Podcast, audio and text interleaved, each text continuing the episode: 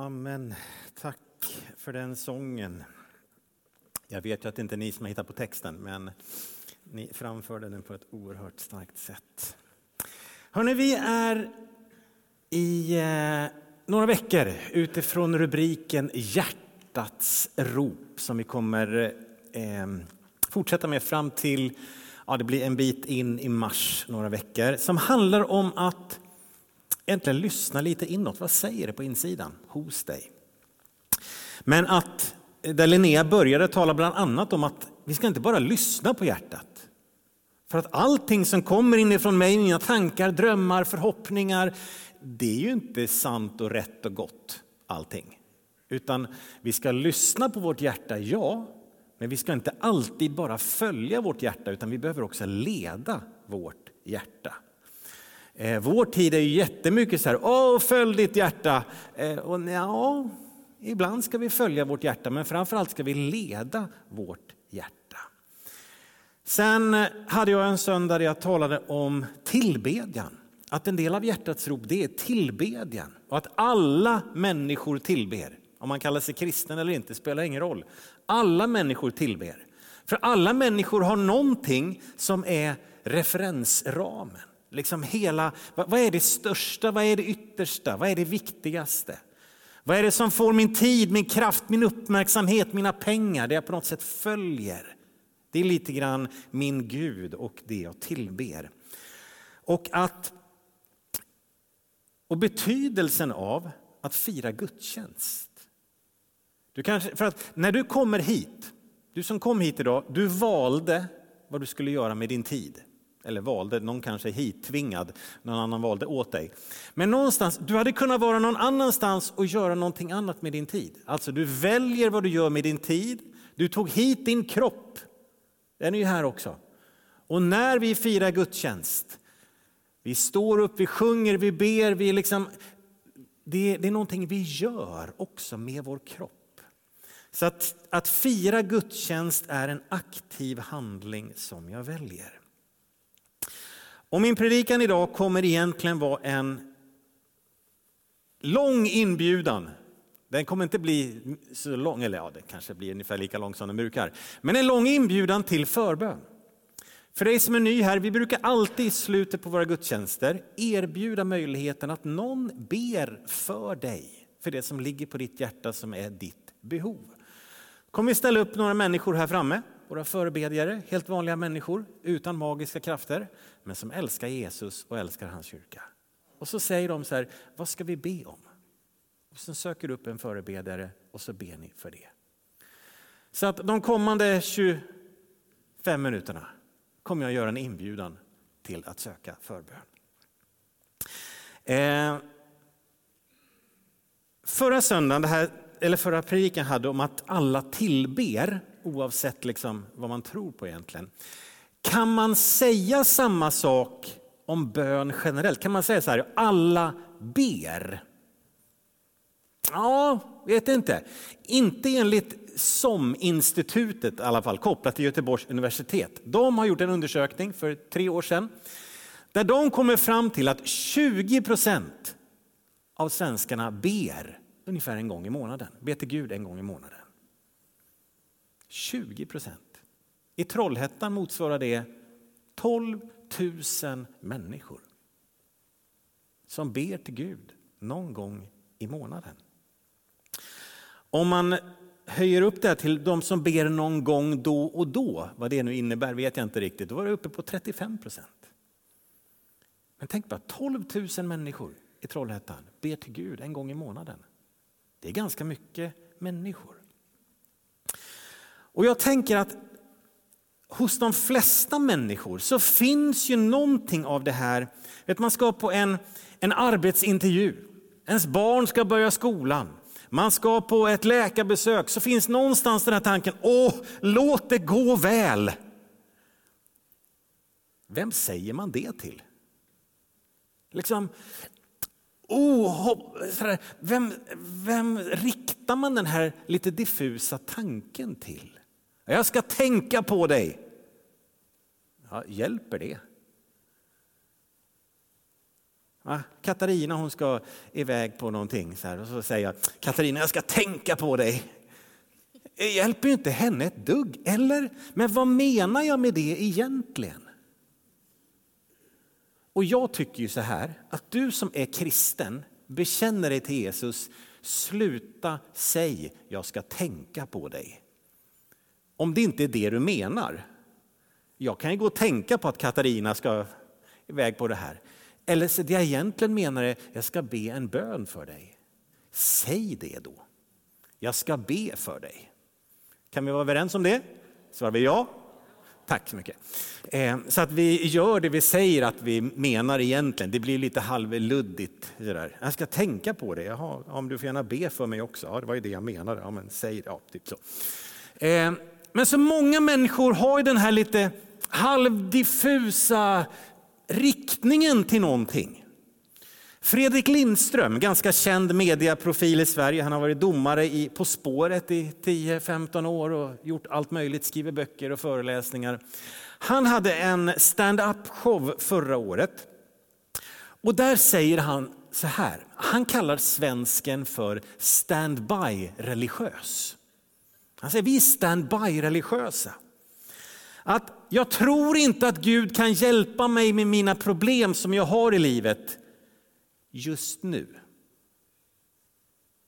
Men om jag får det här sjukdomsbeskedet, den här livskrisen, det går sönder ordentligt här, då kan jag tänka mig att ropa till Gud. När det är riktigt liksom, ja, går dåligt. Jag tänkte säga någonting annat här. Eh, då ropar man till Gud. Alltså när man, man får ett riktigt illa sjukdomsbesked så ropar man inte på statsministern. Utan bara, Gud hjälp mig. Så han kallar svensken för standby religiös. Och det kanske är de här 20 eller 35 procenten. Det finns någonting av en bön till en Gud i himmelen hos väldigt, väldigt många människor. Och Människans rop på hjälp, människans bön till Gud. Vi ser ju, när vi tar liksom bara Nya Testamentet, så ser vi att människor ropar till Gud och vi ser människor som är sjuka som blir friska. Vi eh, ser exempel på Eh, människor som är plågade av onda andemakter som blir befriade. Människor som är felaktigt fängslade som blir mirakulöst befriade. Vi ser, läser om matunder som sker. Vi eh, läser om eh, hur den helige ande leder människor på ett liksom övernaturligt sätt. Vi läser om änglabesök när människor är i bön till Gud. Och mycket, mycket annat. Alltså att det verkar finnas en kraft när enkla människor vänder sig till Gud i bön. Ja, det var nästan värt ett litet amen. Det finns en kraft när enkla människor vänder sig till Gud i bön. Det gör skillnad. Och vi ska läsa några ja, anmärkningsvärda rader i Bibeln idag. Jag ska läsa från två bibelställen och de är, ja, men de är anmärkningsvärda. Jag hoppas att du reagerar lite grann för de är lite, det är väldigt, väldigt stort det här. Det första är från andra Korinthierbrevets första kapitel, vers 8 och framåt. Bröder, vi vill att ni ska veta hur svårt vi hade det i Asien. Det var mycket tyngre än vi kunde bära så att vi till och med misströstade om livet. Ja, inom oss hade vi redan fått dödsdomen för att vi inte skulle lita på oss själva utan på Gud som uppväcker det döda. Från en sådan död räddade han oss och han kommer rädda oss igen. För vårt hopp till honom är att han ska fortsätta rädda oss när också ni hjälper oss med er förbön.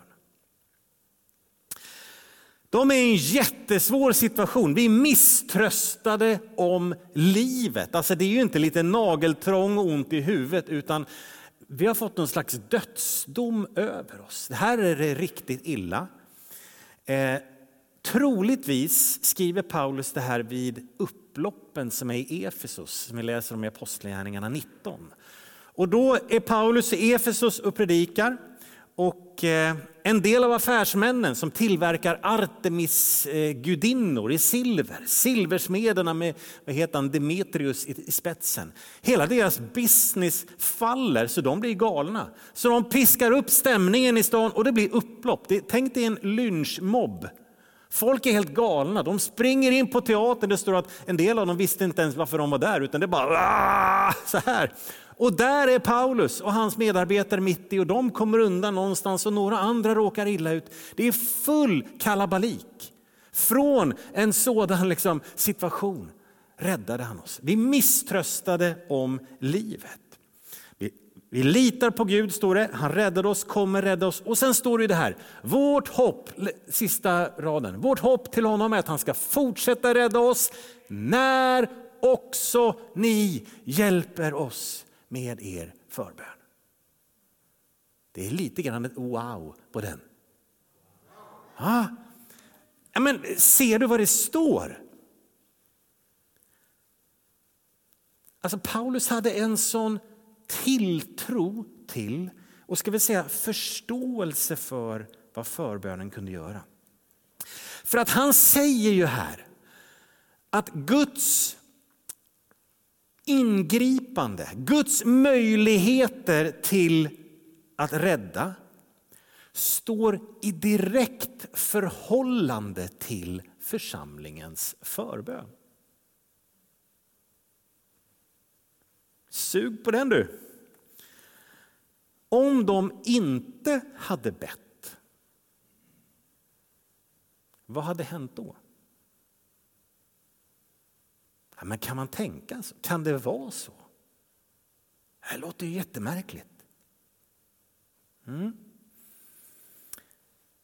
I eh, någonstans tidigt, mitten på 90-talet, eller 93, 94 tror jag, så är jag i, och några vänner i Albanien. Eh, för dig som inte vet, Albanien var under årtionden en kommunistisk diktatur. Alltså det är typ Nordkorea, den nivån pratar vi. Enver Hoxha styrde med järnhand och det var en, e-, ett enormt förtryck. Sen i samband med Sovjetunionens kollaps och murens fall och allt det här runt skiftet där 80-90 så faller också eh, hans styre och Albanien blir fritt. Men det blev ganska kaotiskt. För det, när ett, ett, liksom, en järnhård hand försvinner så blir det lite anarki runt det här. Ehm, det som också hände var att det var mängder med missionärer som strömmade in i Albanien tidigt 90-tal. Bland annat några vänner till mig. De åker dit och startar en församling. Så jag och några vänner vi åker ner en sommar och hjälper till med både evangelisation i staden Vlora men också var vi uppe i bergen och delade ut albanska nya testamenten. Och eh, den här veckan framförallt då, som vi var uppe i bergen, då vi bodde uppe i en bergsby och eh, så på morgonen så packade vi ryggsäcken full med nya testamenten och sen så lite massäck och sen så gick några ditåt och några gick ditåt och så kom man till små byar och så eh, kom vi dit och man plockade upp ett nya testament och så sa man Zotti Jubekoft. Eller hur, Agim? Är det rätt? Ja, Gud välsigne dig på albanska. Och så gav man ett nya testamente och så gick vidare. Den här veckan var jättetuff på så många sätt. Alltså det var ett land i kaos. När vi var och badade då bara regnade sten omkring oss. folk stod på stranden och kastade sten ut mot oss. Vi hade lika mycket sten i byxfickorna för det var så mycket vildhundar som attackerade. Det var två i vårt team som blev bitna under den här veckan vi var. Så att man kom mot en by och sen så hade man stenar redo och så började det skälla någonstans och så kom det hundar och man kastade sten tills de försvann och så kunde man gå in i byn och sen så dela ut testamentena och så gick man vidare. Det var en sån alltså, jobbig vecka på så många sätt. När jag kommer hem så frågar min mamma så här. Jörgen, vad, vad hände? Vad har ni gjort? Vad har ni varit med om? Vad då? Hela första veckan. Jag bad för er hela tiden. du, du, liksom, du dök upp i tankarna jämt. Jag satt på jobbet och bara liksom, be för dem, be för dem, be för dem. Vad hände? Och sen efter den veckan, då, sen tänkte jag inte på det alls. Jag vet inte om det var någon fler än min mamma som upplevde det liksom, i vårt gäng där. Tänk så här, vad hade hänt om min mamma inte hade bett för oss den veckan? Hon visste ju inte om någonting. Utan det är bara be för dem, be för dem, be för dem. Vårt hopp till honom är att han ska fortsätta rädda oss när också ni hjälper oss med er förbön. Alltså han säger ju att vi påverkar Guds möjligheter till att ingripa med vår förbön. Den är ju jättemärklig på ett sätt. Vi läser ett bibelställe till från Filipperbrevets första kapitel. Innan du lägger på den Anton, kan jag ta lite. Så Paulus han är nu i fängelse. Och i fängelset så verkar det vara, man vet inte om han sitter i Rom eller om han är i Caesarea, det tvivlar de lärda på lite grann. Oavsett, han sitter i fängelse men verkar ha möjligheter ändå att predika evangeliet. Och så verkar det finnas andra människor där, troende bröder, som också predikar evangeliet, men inte för att de älskar Jesus och vill att allt ska gå väl, utan för att ställa till det för Paulus på något sätt. Och då står det så här, Filipperbrevet 1 och 17. De andra predikar Kristus av rivalitet, med orena motiv och tror att de kan göra min fångenskap tyngre. än sen, Kristus blir i alla fall predikad. För syns skull, eller uppriktigt, ja, det gläder jag mig över. Och jag tänker fortsätta glädja mig, för jag vet att allt detta kommer leda till min frälsning genom er förbön och Jesu Kristi andes hjälp. Det är ju samma ord, samma betydelse. Han är i fängelset där och folk försöker ställa till det. Och så kopplar han ihop andens hjälp och deras förböner. Det är det som kommer hjälpa. Det är det som kommer bära mig. Och visst, Gud är ju allsmäktig. Gud kan göra vad han vill. Typ. För det verkar ju som att Gud har begränsat sin vilja lite grann. Att han sätter sig inte över din vilja. Han sätter sig inte över människans fria vilja. Och så verkar det också som att han har begränsat en del av sitt handlande och kopplat det till vårt samarbete. Det är vad jag läser i de här texterna. Att han verkar ha kopplat en del av det han gör, vill göra, kan göra till vår tro och vår bön. Och bjuder in oss till samarbete med sig själv. Och i så fall, då är det ju så att en del av det som Gud vill göra i ditt liv, genom ditt liv, det Gud vill göra här i församlingen, genom församlingen, det Gud vill göra för människor här i Trollhättan. En del av det kommer vara som en direkt följd av din och min förbön. Och vice versa. Att en del av det Gud vill, önskar göra kommer då kanske inte ske för att vi, jag, du inte ber. Att vi får en förståelse för bönens kraft och en tro på att Gud gör saker. Jag eh, läste för ett par veckor sedan de här bibelorden när Jesus säger din tro har hjälpt dig, eller din tro har frälst dig och ske dig som du tror. Att det verkar finnas en koppling på något sätt mellan tro och vad Jesus gör. Ibland är det tron hos den som behöver hjälp eller hos någon som är i närheten eller tron hos människor omkring. Men, men det finns ett samband som inte riktigt kan liksom ringa in. Men där vi förstår att tro spelar roll för Guds handlande. Och de här texterna säger också att vår förbön verkar göra skillnad för Guds handlande. Förra onsdagen så var vi ute på en bönepromenad här i Trollhättan. Första onsdagen i varje månad så bönesamlingen då försöker vi göra till fots när vi går genom stan. Stannar på olika ställen. Vi gick eh, Eh, norrut, eller vi började med Frälsningsarmén och bad för kyrkorna i Trollhättan, förbi Älvhögsborg och bad för fysisk och psykisk hälsa. Vi gick förbi tågstationen, alla människor som strömmar in och ut ur staden och det stök som har varit där uppe. Förbi Tetela och bad för media och in i Odenhuset och bad för människor där. Lite sån här grillabön kan man kalla det.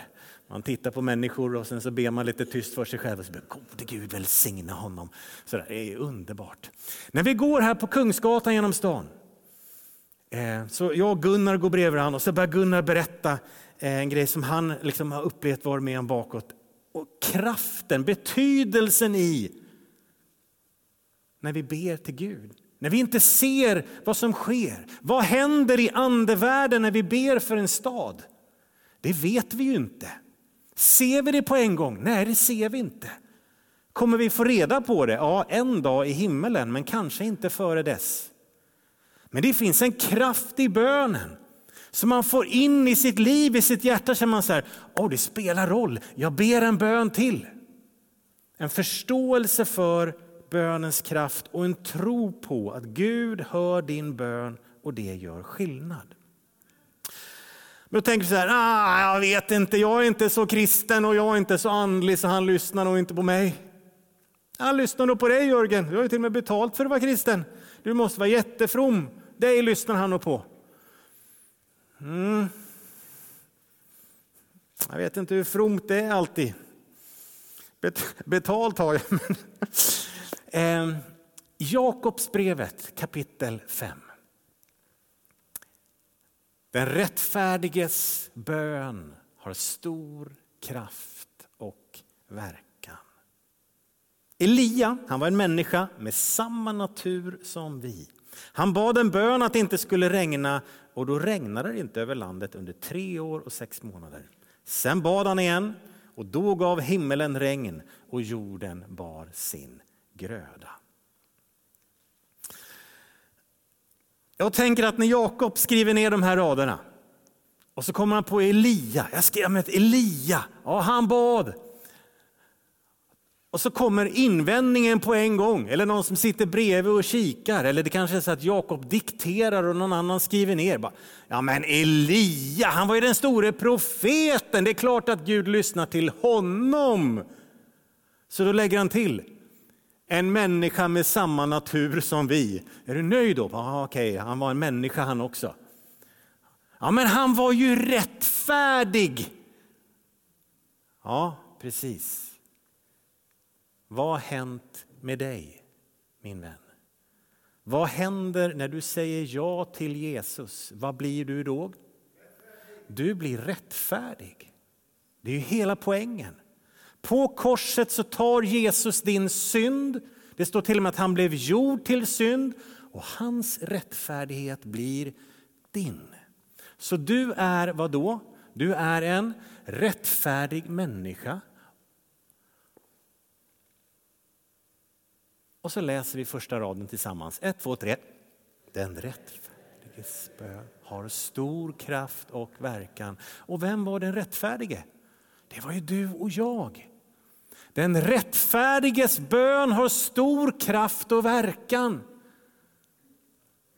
Vi är ju rättfärdiga tack vare Jesus Kristus. Vad han har gjort och gett och gör. Inte för någonting annat. Ingen kan berömma sig.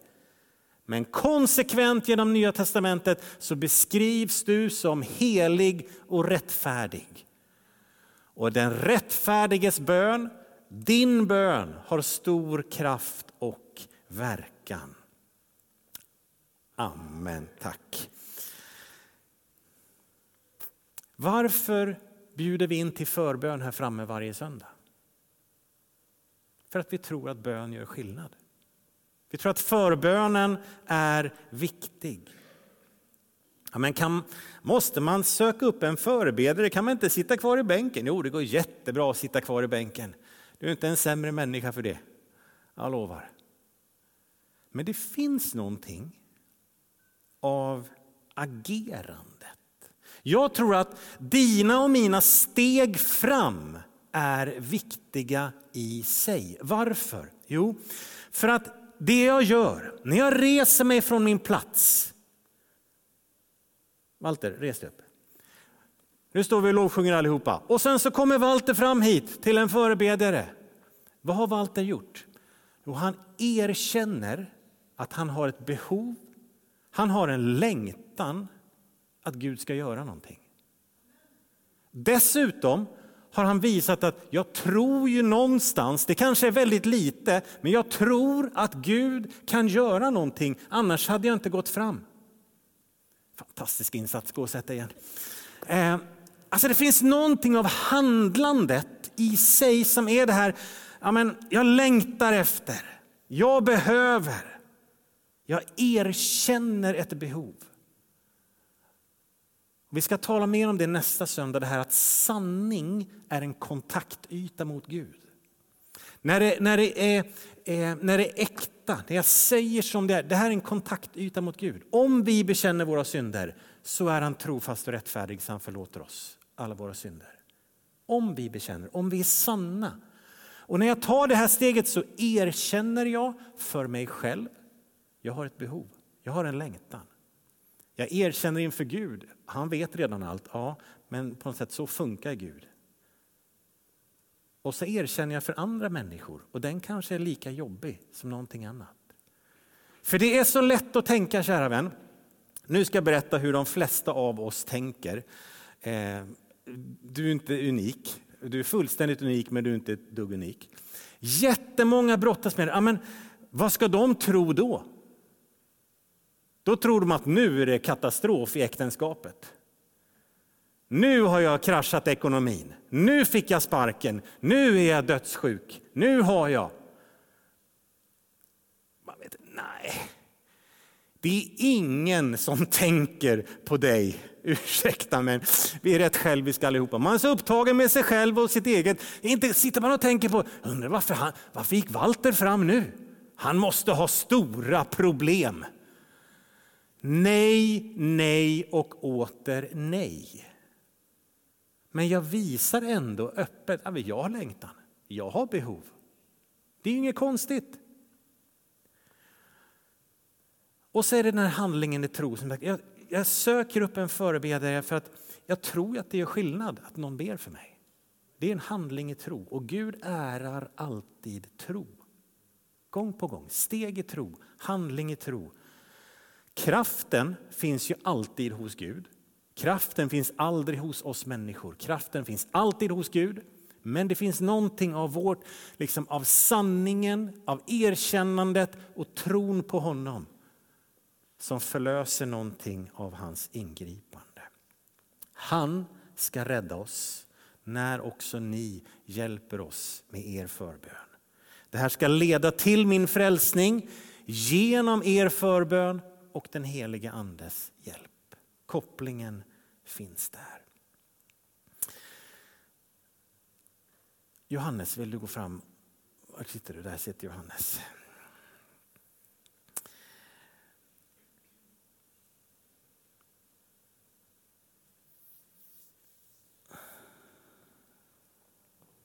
Anton, du kan lägga på nästa bild här.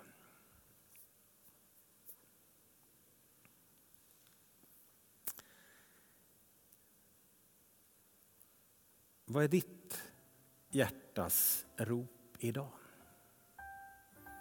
Alla här inne har behov av ett bönesvar. Alla här inne har behov av ett bönesvar. Det kan gälla familj, föräldrar, barn, syskon. Det kan gälla ekonomi, det kan gälla arbete, det kan gälla framtid. Inte vet jag.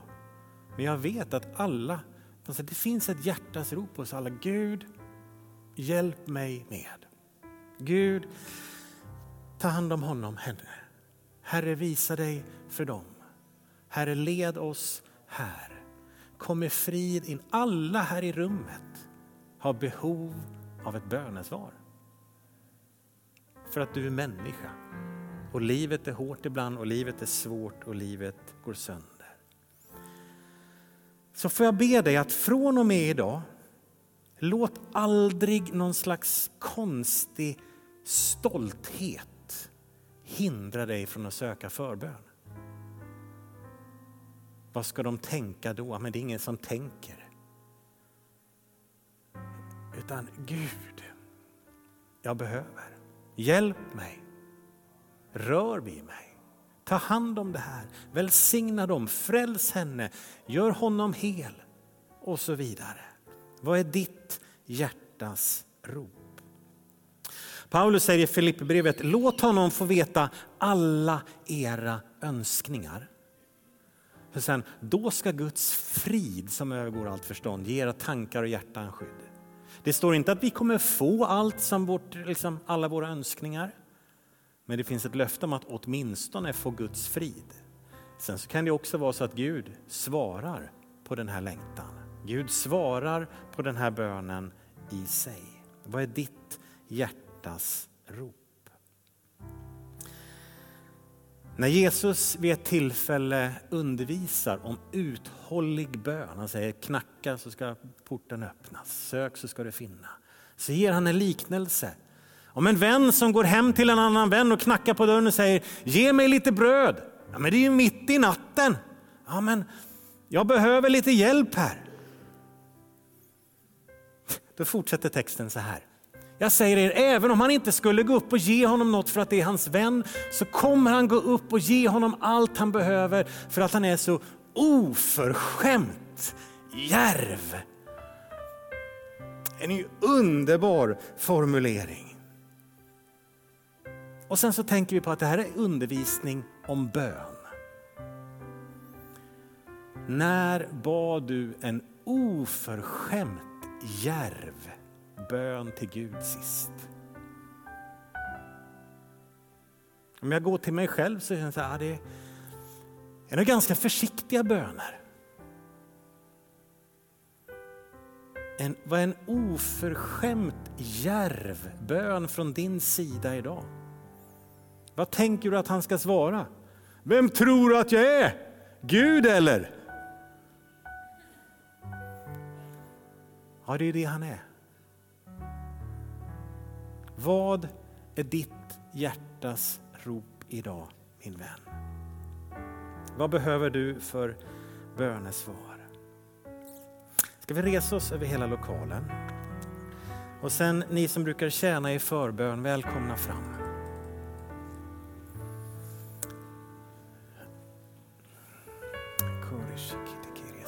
Jesus, Jesus. Jesus, jag har bett att det skulle vara många förebedjare idag. För jag tänker att det är, vi är många som har behov av bönesvar. Och eftersom vi har kommit överens om nu att stolthet aldrig ska hindra oss från att söka förbön. För det är ingen som riktigt bryr sig om vad andra söker förbön för. Utan vi bara ber till Gud tillsammans. Vi är alla på något sätt behovets människor. Vad är ditt hjärtas rop idag? Vad har du för frimodig bön som behöver en stor Gud idag? Jesus. Den här möjligheten finns för alla här inne. Jag hoppas du har förstått det. Om du tror på Gud eller inte, det spelar ingen roll. Möjligen vi vill be för dig. Om du har ett stort behov så vill vi be till en stor Gud. Har du ett litet behov så ber vi för det. Så kommer vi vara i bön och tillbedjan en, en god stund här. Och vi ber för alla som vill, tills det inte finns någon kvar som vill ha förbön. Så du är välkommen fram till en förebedjare på en gång så är vi bön och tillbedjan. Herre, jag tackar dig för din oerhörda kärlek, din oerhörda godhet.